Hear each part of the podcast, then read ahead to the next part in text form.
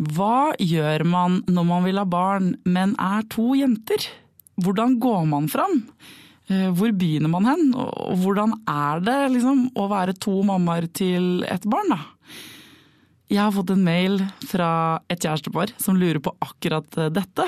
I dag handler Foreldrerådet om å få barn når man er to damer.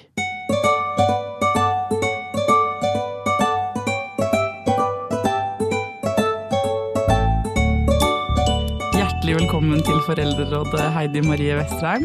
Tusen takk. Altså, Vanligvis har jeg eksperter her, så, øh, og du er jo på en måte en ekspert, men du er jo altså her fordi du har øh, fått et barn med en dame som du er gift med.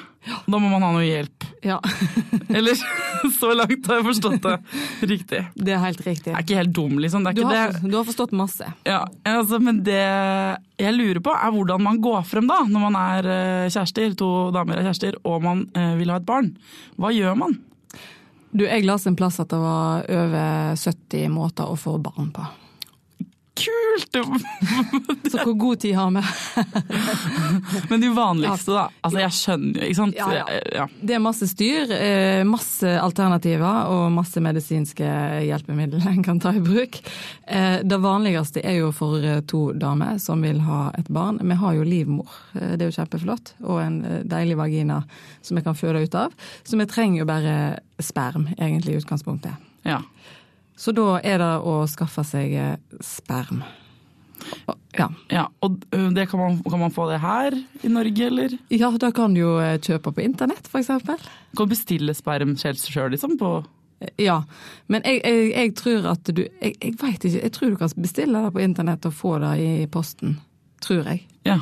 Er Usikker. I United States of America kan du da. ja. Ja. Men i Norge er jeg litt usikker. Men de vanligste metodene, da? Altså, sperm er jo en ingrediens man må ha. Du, det vanligste, i hvert fall sånn som jeg og mine lesbiske venninner som har blitt mødre, vanligste måten i Norge er å gå inn på en spermbank på internett. European Sperm Bank, eksempel. Og så eh, finner du ei donorliste. Og da står det sånn 100 forskjellige, eller 150 000 navn, jeg vet ikke, som heter sånn Ellen eller sånn synonymnavn.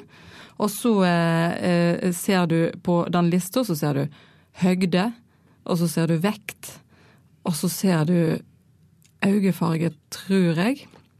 Og så ser du utdanning, eller hva de jobber som. Og så ser du hudfarge. Så det er sånn Caucasian, Asian, eh, African, eh, ja. Eh, hudfarge. Og så trykker du på eh, den donoren du velger deg ut, og så får du den sendt i posten til en klinikk i Norge. Så du må ha vært på en klinikk i Norge først? Ja, du må i hvert fall ha en avtale med en klinikk i Norge om at de er klar for å ta imot eh, den her spermen. For den er jo nedfrossen og veldig skjør og delikat, Ja. som blir sendt av gårde.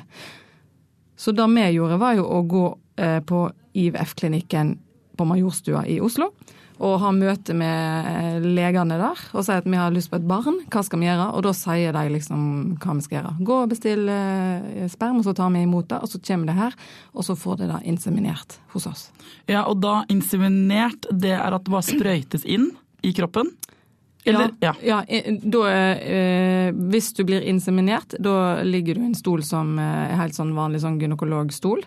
Og så har de en sånn kjempelang, sånn, eh, liten sånn tynn slange som de fører opp i livmorhalsen.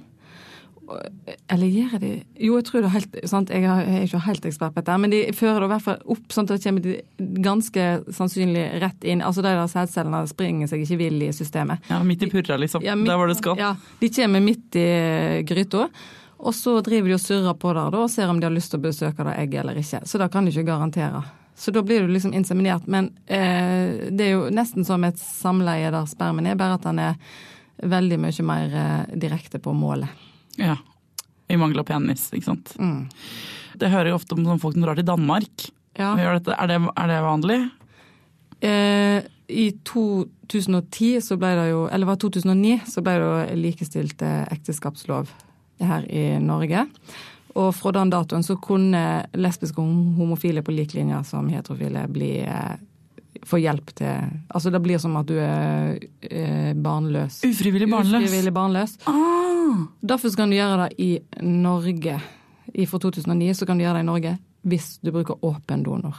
Og åpen donor betyr at barnet, når de er 18 år, så kan de da eventuelt få vite hvem donoren er. Identiteten. Eh, Men jeg kjenner at jeg bobler over med sånne mye spørsmål. Og det kan hende noen av dem er dumme, men det må være lov. Ja. Når eh, dere bestemte dere for, for å få barn, eh, hvordan bestemmer man hvem som skal føde barnet? Det er vel rent praktiske grunner. Det er jo kjempekjekt når du er to damer. For da er det sånn Nei, nå har jeg akkurat begynt i ny jobb, eller nei, jeg skal på, jeg skal på turné, eller nei, jeg orker ikke å gå gjennom dette her nå, eller sånn. I vårt tilfelle så var det jo at jeg er den eldste, da. Så da tenkte jeg at jeg, jeg får begynne, jeg, da. Ja, sånn tilfelle hvis dere skal ha flere, så kan man mm. fordele det. Ja. Og så er det jo greit at det, nå er kona mi to år yngre enn meg. Så da var jeg sånn her, nå begynner jeg å bli litt gammel, eh, så da må jeg begynne med å prøve å bli gravid. Så kan hun heller prøve på nummer to. Så det er praktiske hensyn. Man kan liksom velge, shoppe fra øverst hylle. Alle burde få seg ei kone. Altså. Ja, det er faktisk et godt sending point. gøy. Ja, ja. Og når vi skulle på ferie, eh, så eh, første, den første turneen jeg skulle på For jeg er musiker, sant. Den første turneen jeg skulle på til Tyskland, så var jo kona og ungen med. For at vi delte 50-50 svangerskapspermisjon. Og da hadde Jannicke, min kone, altså line opp på bordet alle tingene Alfred skulle ha med seg, eh, som er vårt barn, da, Alfred, skulle ha med seg og sånn. Så tenkte jeg å gud, dette er jo fantastisk. Nå føler, føler jeg meg nesten som en eh, far. og det er Men- veldig deilig å føle seg sånn. For at jeg har en venninne som bare Jeg har ikke lyst til å bli mamma, jeg har lyst til å bli far, sier hun. Det, er Tenk om man kunne velge. Mm. Tror du folk flest hadde valgt å bli fedre da? Det er jo veldig luksus å få et barn uten å måtte føde og sånt eh, av og til, og bli helt tullete i hodet. Men samtidig så går en jo glipp av en helt, kanskje den mest fantastiske og vanvittige opplevelsen et menneske kan ha. Og jeg føler ikke at jeg er far eller medmor er far, men det er bare rent sånn praktisk så er det ofte mødrene som må tenke logistikk og pakking av ting og tidsskjema og mye sånn styr, i tillegg til de er sånn tullete, hormonelle og ammete og alt sammen. Mens jeg hadde da en sånn luksuskone som tenkte sammen med meg. Å, luksuskone. Ja, for dette, hva sier du, medmor? Eh, Ja. Heter det mor og medmor? Ja. På sykehus og sånt så, eh, så tiltaler de partneren som medmor. Og da var de veldig flinke til på Ullevål som jeg var. Så var det helt sånn ja, medmor, og de var helt sånn her Det var ikke et spørsmål om sånn her å, to damer, hva skjer her? Noen var sånn er det greit at jeg kaller deg for mamma, eller vil du bli, er det mamma én og mamma to, eller altså av rent sånn Ja. praktiske. Men de kaller jo liksom fødemor for mamma, da, så gå til mamma, og nå skal, må mamma ta seg av her, og nå skal mamma lære seg å amme barnet. Og. Ja, Så det er mor, og så er den andre som ikke har født barnet, er medmor. Yes. Skjønner. Men, men barnet selv kan du velge, eller hva? Ja, akkurat nå er jo eh, Alfred eh, litt over et år, da, så han har begynt å snakke litt, så han driver og sier mamma og mamma. Ja. Men vi prøver litt på mammo til meg og mamma til kona mi. Men eh, han er mamma, mamma, mamma. Det er så mye mamma. Um, men folk reiser fremdeles til Danmark? Ja, for i Norge så er det sånn at hvis du er singel eller alene, da må du reise til Danmark. For du må være i et partnerskap hvis du skal få hjelp av enten Rikshospitalet, som er det statlige, eller på privatklinikker, som jeg gjorde. Og eh, hvis du vil ha eh, lukka donor, er det det heter, eller hemmelig donor, altså hvis ikke du vil at eh, identiteten til donoren noen gang eventuelt skal bli bli avslørt eller eh, fortalt til barnet ditt, så må du òg til Danmark. For i Norge så er det sånn at du må ha åpen donor. Men var det mye stress? Altså sånn i en vanlig mann-kvinne-ting, en situasjon eh, hvor det er liksom ligging, frukt, eh, befruktning, svangerskap, så er det jo kjempe, fortsatt dritmange ting man må drive og finne ut av, ta stilling til. Det, sant, alt fra fødselspermisjon til alt mulig annet. Da. Eh, hvor mye mer stress og styr er det når man er to damer, eller to menn, da, for så vidt. for den saks skyld?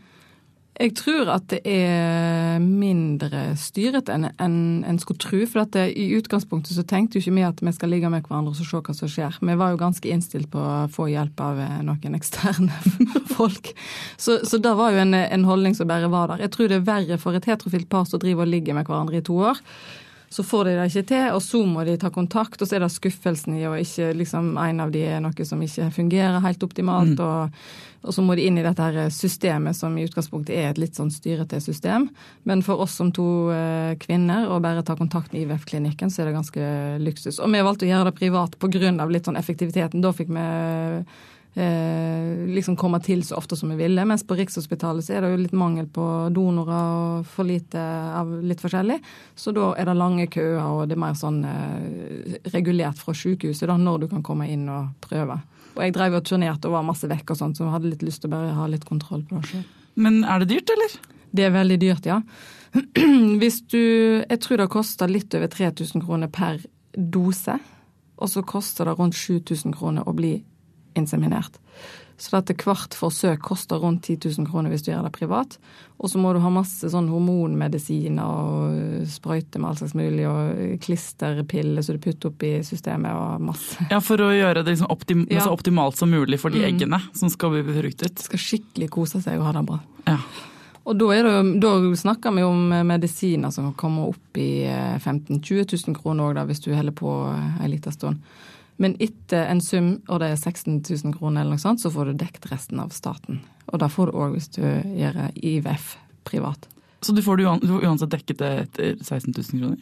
Ja, og det er hvis, nå merker jeg sjøl at det blir mye å holde styr på her, men altså du kan ha vanlig inseminering. Det er én ting, og da får du òg medisin og sånt i tillegg. Og så får du IVF. Det er da når vi begynner å hente ut egg og sånne ting. Ja, gjør det utafor kroppen. Ja. utafor Utenfor kroppen, og da eh, får du dekt eh, medisiner Da kjøper du fortere opp i 15 000 kroner, og da får du dekt medisiner etter 15 000-16 000 kroner. Ja. Altså, det er mye greier. Men sånn rent bortsett fra sånn at dere må ha sperm og den må inn i kroppen og alt, ikke sant, de der helt konkrete tingene, da. Hva er de største utfordringene når man er to damer som skal ha barn? Det tar jo lang tid. Altså, Heterofile kan prøve hver eneste måned å eh, bli gravide. Mens eh, for oss så må vi liksom til klinikken og få liksom hormoner satt i gang og ha eggløsningstest. Og hvis ikke det går den ene gangen, så må vi den andre gangen. Så går fort eh, etter to år i bare sånn forsøk. For meg så gikk det over ett og et halvt år fra jeg begynte og bestemte meg og til jeg ble gravid. Hvordan er det da? Og da hadde jeg noen insemineringer først, og så gikk jeg over på sånn IVF-pakke. Så da liksom hente ut egg og fryse de ned og putte de inn. Og da er jeg ganske sånn der hormonsprøyte og mye styr, så noen reagerer veldig på de hormonene, mens jeg reagerte heldigvis ikke. Så jeg sto på scenen, spilte konsert, og klokka ti hver kveld så måtte du sette en sprøyte, så jeg bare duff, backstage, doing, satte sprøyta, ut igjen, ekstra noe mer, bam, bam, bam. Og så, så det funka veldig bra sånn sett, men det er øh, styrete, og det er jo ganske sånn belastning for ganske mange. Ja, Hvordan er det liksom i parforholdet? Begynner man sånn å tvile om vi får det til og, og sånn? Nei, akkurat der igjen så føler jeg at det er litt eh, bra å være eh, lesbisk. For det går i hvert fall ikke sånn utover liksom, sexlivet sånn konkret. Mens for heterofile så blir jo ofte sexen da forvandla til en sånn eh, fertilitetsting, og det blir bare da fokuset helt feil. Mens det kan jo være en belastning i, i liksom planlegging av livet, og hvor lang tid vil dette ta. og det er jo litt sånn ustabil situasjon hun er i. Og jeg er jo frilanser og styrte veldig med denne kalenderen og hva som skal skje, og det er jo en belastning sånn sett. En tenker veldig masse på det og blir skuffa når en ikke blir gravid. Og så liksom OK, så stålsetter en seg, og så begynner på en ny karusell. sant? For det er liksom en sånn hel sånn prosess som skal begynne og avsluttes eh, hver gang. Hvordan var det når du var gravid, da? Når du oppdaga det? Nei, det var fantastisk. For å bære seg rett. Altså, jeg fikk liksom, De ringte fra IVF-klinikken og sa sånn Nei, nå er prøvene dine positive, og det var helt sånn derre Og jeg hadde et fantastisk svangerskap. altså Jeg følte meg så i støtet og var kjempeglad. Hadde litt sånne sure oppstøt, så måtte jeg sitte sånn oppreist i sengen på slutten. Åh, jeg blir alltid rørt når folk forteller at de ble glad for at de var gravide. Det er sånn gammel damepoeng, føler jeg. Det blir det uansett. Um, men det var veldig etterlengt og veldig veldig satt pris på. Nei, det var utrolig deilig. Men uh, hva skal dere si? Er det Alfred han heter? Alfred? Hva skal dere si til Alfred når han begynner å spørre da om mammaer og pappaer og hvordan han ble til og sånn? Da har ikke vi helt uh, satt oss ned og la, lagd en sånn scrapbook på, egentlig. Det er, jeg har jo masse venner som har uh, barn, og det er det er ikke sånn at det kommer som et sjokk på han at han uh, har to mødre, liksom. Det vil jo bare Det er jo bare sånn det er. Ja. Og så uh, veit jeg at i barnehagen og sånn, folk snakker om pappaen sin eller mammaen sin, eller eh, noen bor hos eh, besteforeldre. Altså det er veldig mange forskjellige familiekonstellasjoner, og hans er den som den er. og men rent av det tekniske, at vi måtte på sykehus og sånt, kan vi jo fortelle når han eh, for, for, forstår det. Eller Ja, for, jeg har en venninne som er lesbisk, og da nettopp fødte barn da, på samme måte som dere. Og min sønn, han er fem og et halvt, han eh, så bilde av henne på Facebook, og så sa han sånn og det, liksom, snakket vi om henne, og sa sånn, ja, de er to damer da som uh, ikke sant, har fått babyen og ser på den babyen og sånn. Og da ble han veldig sånn mm, Men hvordan lager de det barnet da? For han, Ja. sant, han vet veldig godt det er egg og frø og gutt og jente, og vi har snakket om det. Kjenner mange som er homofile og lesbiske, men helt konkret, hvordan gjør de det? Og så, så da måtte jeg rett og slett jeg måtte åpne chatten og begynte å sende noen meldinger. For det, jeg for han sporer deg. han spør meg, sier sånn, Ja. nei, de, de må jo hente frø, da. De må få sant, frø fra noen. Eh, Hvem har de fått det fra? Så akkurat i dette tilfellet så vet jeg ikke det, men det kan være Det er banker man kan gå Er det banker? Altså, skjønner du? Og så åpnet han alle de spørsmålene. eh, den, altså en haug med spørsmål. Jeg kunne ikke svare, altså jeg spør jo deg nå om disse tingene. Ja, men jeg tror det er akkurat sånn du skal svare. Jeg tror du gjorde helt riktig. Det er sånn du trenger et frø. Sendte meg og chatte liksom med hun da. Det gjelder å si sånn, Hei, du sønnen min bare lurer på hva, altså, hvor, Ja. hvor fikk dere de frøene fra, og hvordan er det, og, og sånn. Det- Han syntes jo det var helt kult. Barn er jo helt kule på sånne ting. Men de er jo nysgjerrige. Så De er veldig nysgjerrige, og jeg tror at det, det, beste er, er å bare forklare dem helt bokstavelig hvordan en gjør alt mulig. Og dette husker jeg vi fokuserte vel, Jeg jobber jo i NRK Super før som programleder, og hvis det var ting som var vanskelig, så skulle du liksom bare si rett hvordan eh, Selvmord, eksempel, vanskelig å snakke med barn om det. Så kan du si sånn Nei, det skjedde sånn og sånn, og egentlig litt sånn hvordan de tok livet sitt òg. For ellers så lager de masse sånn bilder i hodet av eh, helt sånn vanvittig. De ble spist opp av løve og bæsja ut igjen, og så nå ligger de og råtner på. Altså det er helt sånn De lager veldig ekstreme bilder i hodet sitt hvis ikke de får det forklart ganske sånn enkelt. Og så er det logikk, ikke sant? for det handler jo om liksom å sette sammen puslespillbrikkene. Men det er vanskelig nok å fortelle barnet eh, sitt altså helt Hvis man tar vekk at noen syns det er flaut, så er det vanskelig å fortelle dem om forplantning. Altså, Mhm. for det er jo ko-ko at det går an, på en eller annen måte. Eh, og så da skulle de sånn Så to menn, nei da måtte Det er jo enda vanskeligere enn å forklare, da. Da må Eh, du låne i livmor jeg, jeg forstår jo ikke, Men jeg forstår jo per, til dags dato fremdeles ikke menstruasjonssyklusen. Jeg skjønner det ikke. Jeg, bare, jeg forstår ikke greiene, liksom. Men når er det, hva er greia med det der? Hvor, hvor, hvor er egg, og hvor tid kommer det ut av de der 14 dagene? Hva skjer, liksom? Altså, så eh, Alfred kommer til å få vite det han eh, spør om, da. Og så får dere bare google ting dere ikke kan svare på. Ja, og så tror jeg at det, det blir naturlig å snakke om litt ting eh, underveis, som er jo veldig sånn bevisste på, på at han skal, skal få vite alt han eh, har behov for å vite og har lyst til å vite. og vi snakker om, om ting. Men når det gjelder voksne folk, da? Hvor nysgjerrig er voksne folk når eh, man er gravid og lesbisk? At jeg er helt vanvittig nysgjerrig. Jeg føler jo at eh, jeg er tilbake til 1996, når jeg kom ut av skapet som lesbisk. Da var jo folk sånn 'Å, hvem er mannen i forholdet?' og 'Ja, hvordan ligger de med hverandre?' Så jeg bare, jeg vet, det jeg har kjent i 37 sekunder, liksom, skal jeg virkelig begynne å snakke om liksom detaljerte eh, sexting? Og dette er jo folk som eh, opplever dette her hele tida, som har et liv som er litt annerledes enn eh, eh A4-livet. Kanskje som alenemor, og er ikke det vanskelig og er ikke slitsomt? Du får sikkert utrolig masse spørsmål som er kanskje litt sånn private. På noen dager går det greit, på andre dager er det liksom sånn dette er ikke din uh, sak, liksom. Eller hvis du mangler en fot. Uh, folk, folk, spør jo om ting som er liksom Ja, du kommer å være helt eh, altså, Når du er gravid, så kommer jo fremmede mennesker bort til deg og tar deg på magen. For og begynner å fortelle om sin, hvor mye de revna sjøl da ja. de fødte. Ja da. Men, men, så hva er det mest irriterende folk spør om da? Eh, det er vel kanskje når folk kommer inn på sånn 'Å, herregud, hvordan fikk du dette til, og hvem er faren?' Det er liksom rett på det der 'hvem er faren?' Og da liksom tenker jeg nå skal jeg bare puste rolig og si sånn Ja, vi har valgt å bruke en donor, og det er ikke en far. Vi, vi kaller det ikke for far, vi kaller det for donor. Og eh, sånn, sånn er er det. Og vi har fått hjelp på en eh, IVF-klinikk. Kjøpt sperm på internett.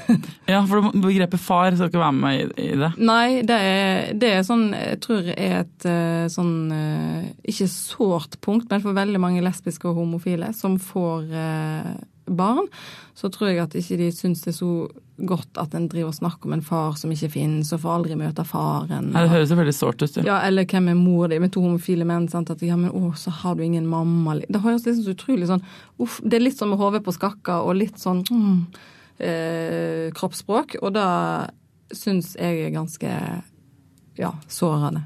Så hvis man skal holde tunga rett i munnen, da. Altså for jeg kunne godt sagt sånn ja, hvordan, hvem er meg faren, eller hvordan Så jeg kunne Ja, ja, godt stått ja. i den situasjonen sjøl. Ja, Så hva skal man si som Er det donor? Har dere, er det, er det innafor å spørre om? Sånn, ja, absolutt. Vi velger å si donor. Og det er jo sånn her med venner og familie og folk rundt og bare sånn Å ja, men hvordan eh, kan jeg få vite hvem faren er når han er 18 år? Og så er det sånn Ja, men bare liksom nett gi beskjed om at eh, i, i all framtid så ikke si 'møte faren' eller 'få vite hvem Bare bruk donor, liksom, for det er vårt begrep, og det ønsker vi at andre skal bruke. Og det er egentlig det riktige Ikke egentlig, det er det riktige begrepet å Ja. bruke i den situasjonen.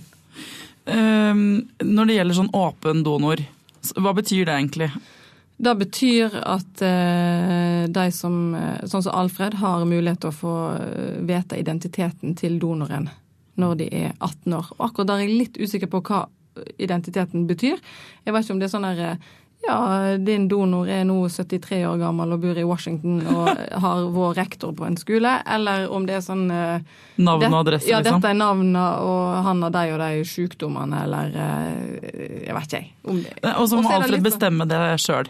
Ja, da kan han bestemme sjøl. Det er ikke sånn at han får en mail, en, liksom et brev i posten på 18-årsdagen sin Nei. Speed date med med bilde av eh, donor. Nei. Men da er det Jeg tror det har med, med Jeg er litt usikker på hva det har med å gjøre. Men det har jo med opphavet sitt, at eller hvis en er nysgjerrig på hvem Genene sine. genene sine. Hvordan har dere blitt møtt av andre barn da, og foreldre i barnehage og sånn? Jeg har en venninne som, eh, som har uh, tvillinger som nå er tre år gamle. Og de hadde sett på bilde av oss, og så bare der er Alfred, og der er Jannik og Heide Marie, og det er mammaene til Alfred. Og så plutselig så hadde hun Einar liksom bare oppdaga liksom sånn eh, Hold your horses, vent litt. Så sånn Har Alfred to mammaer? Og så hadde venninnen min sagt ja, det har han. Og så hadde du bare hadde, bare, hun hadde sånn der, et blikk som var bare sånn der Å, så heldig. Altså, han, han bare uttrykk, han var helt sånn Wow! Liksom, så skikkelig misunnelig. Og det var bonus, liksom. Nesten litt dårlig sånn- gjort. Hun var sånn Er det mulig tenkt å ha to mammaer, liksom? Oh. Så det er jo egentlig noen eh, har jo reagert litt sånn, og i barnehagen så er det jo bare super eh, natur... Det er ikke noe som noen snakker noe om, det er bare sånn Ja. Mødrene til Alfred og jeg henter, og så sier jeg ja, nå kommer mamma Jannike, har jeg sagt, Og Bare så de skal ikke gå. For de sier bare 'mamma Alfred', sier de bare. Så det er egentlig, altså jeg mener alle sånn offentlige, altså på sykehus og barnehage, og alle, alle er liksom, det er ikke noe som øh, reagerer på noen som helst måte, i den ene eller andre retningen. Og det er så bra. Jeg tror mange eh, som hører på, hvis det sitter eh, noen par, da, noen lesbiske par der og lurer på, ikke sant? og så tenker de sånn, hva skal vi inn i en offentlighet og drive og ta masse avgjørelser og stå altså, sånn, gjennom en kvern, og så sier du sånn, men det er ikke så stress egentlig. Nei. Jeg syns egentlig ikke det er stress, nei. Men det er jo liksom det å få barn er jo liksom å kjøpe en gullbillett til det der eh, mainstream lifestyle. Altså da er du liksom inn i det. Ja, men de forventningene eh, kjenner man jo på, selv om man er i mainstream. Ja, men det, er nettopp da. Uansett hva type menneske du er, så er det liksom det. Og da tror jeg at folk er inne i det der mainstream-greiene, eh, og med sine barn og alt det. Så dette det der å ha to mødre eller alenemamma eller alenepar, det, det spiller ingen rolle. Poenget er at nå er vi i en sånn diger eh, båt som raser så hinsides fort framover, så du må bare henge med i hverdagen og alt sammen. Og det er andre ting som er viktigere enn hvem de voksne rundt da barnet er. Ja, som amming.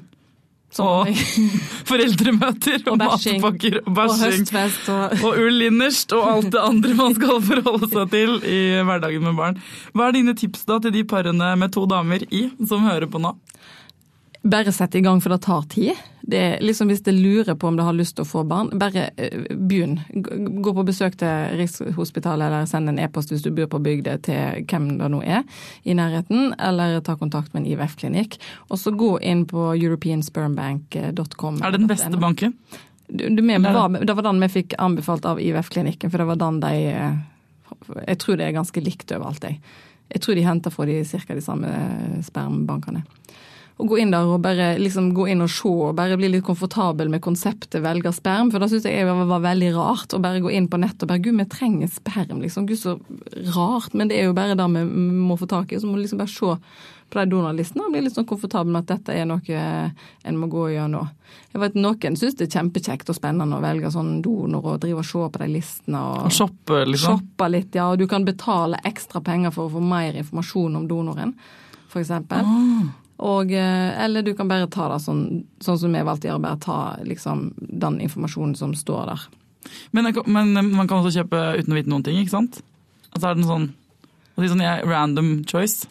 Ja, Jeg tror Du må hooke av på et navn uansett, så da vet du liksom eh, Så du må ta en avgjørelse på det? Ikke hvis du er på Rikshospitalet. Da, tror jeg de, da velger de bare ut en donor som er tilgjengelig. Altså Da tar de bare den spermen som er der der og da. Så da prøver en med forskjellig hele tida. Hva er det du vet nå, etter at du har fått Alfred, som du gjerne skulle visst før du liksom satte i gang? Jeg føler jo at eh, vi googla og styrte ganske mye på før. vi var jo veldig bevisst på hva vi gikk inn i. Og jeg kjenner jo at eh, nå, nå når vi fikk Alfred og han kom, så var vi veldig mentalt kjempeklar for å få et barn. Så det var en veldig sånn rolig og deilig og god prosess med et godt svangerskap og med fødsel og alt som skjedde etterpå. Vi er veldig sånn forberedt på å ha et barn i livet. I, i, i sammenligning med f.eks. folk som får når de er yngre, eller som kanskje får det litt mer spontant, eller eh, å, kjempeforelska, var i lag i seks måneder, blir gravid. Å, men det er kjempekjekt, men litt mer sånn wow, hva skjer? Mens vi har vært kjærester i ti år og gifte oss og var veldig, veldig klar for å få et barn. Så de som sitter der ute nå som ikke har startet på den prosessen, de må begynne å google litt først? Begynne å google litt først. se, se, på ting. Og så bare, bare, bare begynne å få barn, altså. Det tar tid, og det er veldig kjekt. Tusen, tusen takk for at du kom til Foreldrerådet.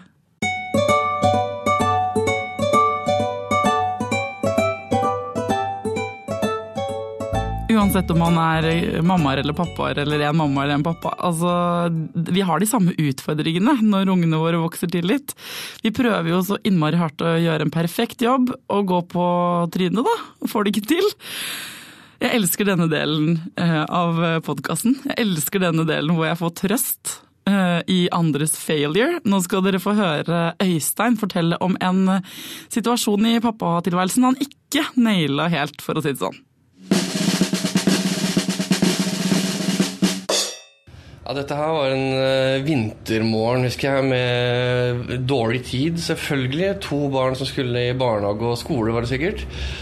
Uh, og da alt tar jo mye lengre tid enn man, man tenker at man bare kan slenge på seg klærne og komme seg ut i bilen. Det er jo bare drit i, men det lærer man jo ikke før det har gått fem år, tydeligvis. I hvert fall ikke jeg. Så man hadde var gått på overtid, endelig fått inn yngstejenta i bilen og satt henne fast med sikkerhetsbelte. Men den disputten som jeg hadde hatt da med hun eldstejenta, den var jo på ingen måte over. Så hun hadde rett og slett uh, stukket av. Hun hadde gjemt seg. Uh, Gudskjelov var det veldig mye nysnø den morgenen, så jeg kunne følge sporene.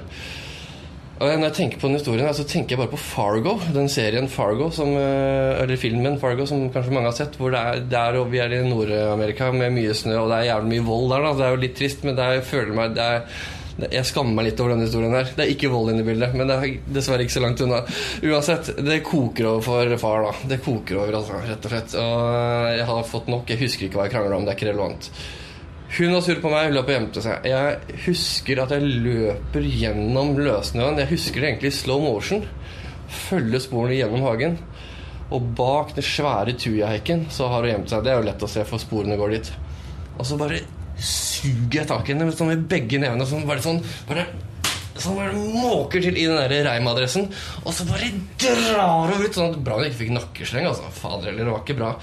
Og det var jo lite nok til at jeg klarte å slenge henne fysisk rett og slett over ryggen og bare dra henne i bilen. Og så kaste henne inn i setet og så sette på det jævla sikkerhetsbeltet. Og så sitter du her til vi skal på skolen! Ikke sant? Og så er det jo at jeg setter meg inn i mitt eget sete, og det er jo helt stille i baksetet.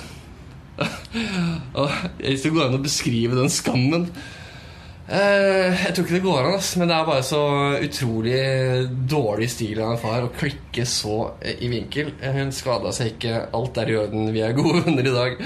Men eh, noen ganger så renner det jo bare over. Ass. Men jeg skammer meg en dag i dag for akkurat den der. Ass. Det må jeg innrømme. Herregud, altså det er eh, så lett å gå på en smell, drite seg litt ut. Eh, jeg tror jeg gjør sånne ting jeg angrer litt på i mammarollen nesten hver eneste dag. Det som er så digg, eh, er at det gjør jo dere òg, så da kan vi dele trøsten og sorgene og alt det der. Jeg må si en ting, for vi har fått ny kjenning. Forrige episode fikk vi ny kjenning. Eh, syns dere den er fin, eller? Det er bare pga. dere, for jeg har fått noen tilbakemeldinger på iTunes. Der hvor jeg går for å sjekke hvor mange stjerner dere har gitt denne podkasten. Eh, ikke for å sjekke, og da har jeg fått noen tilbakemeldinger på at den andre likte ikke den andre kjenningen. Da har jeg laga ny. Vil gjerne ha ekstra mange stjerner hvis dere liker den. For jeg drikker jo som sagt et glass cava per stjerne jeg får der. Og så vil jeg bare hilse det, til dere som kom bort til meg på Gardermoen da jeg sto der med trøtt tryne. Fremmede, nydelige damer som kom bort til meg og sa 'vi elsker å høre på Foreldrerådet'. Altså, jeg ble kjent igjen på Gardermoen. Det, jeg går og tenker på det hver dag. Gjør meg glad hele tiden. Jeg ble så flau og oppskjørta og liksom forfjamsa at jeg ikke liksom rakk å klemme dere, men det angrer jeg på. Tusen takk. Jeg blir dødsglad. Jeg blir så ordentlig rørt og ordentlig glad. Ok, eh, til neste gang, folkens. Ta vare på barna deres, ta vare på dere sjæl, og lykke til.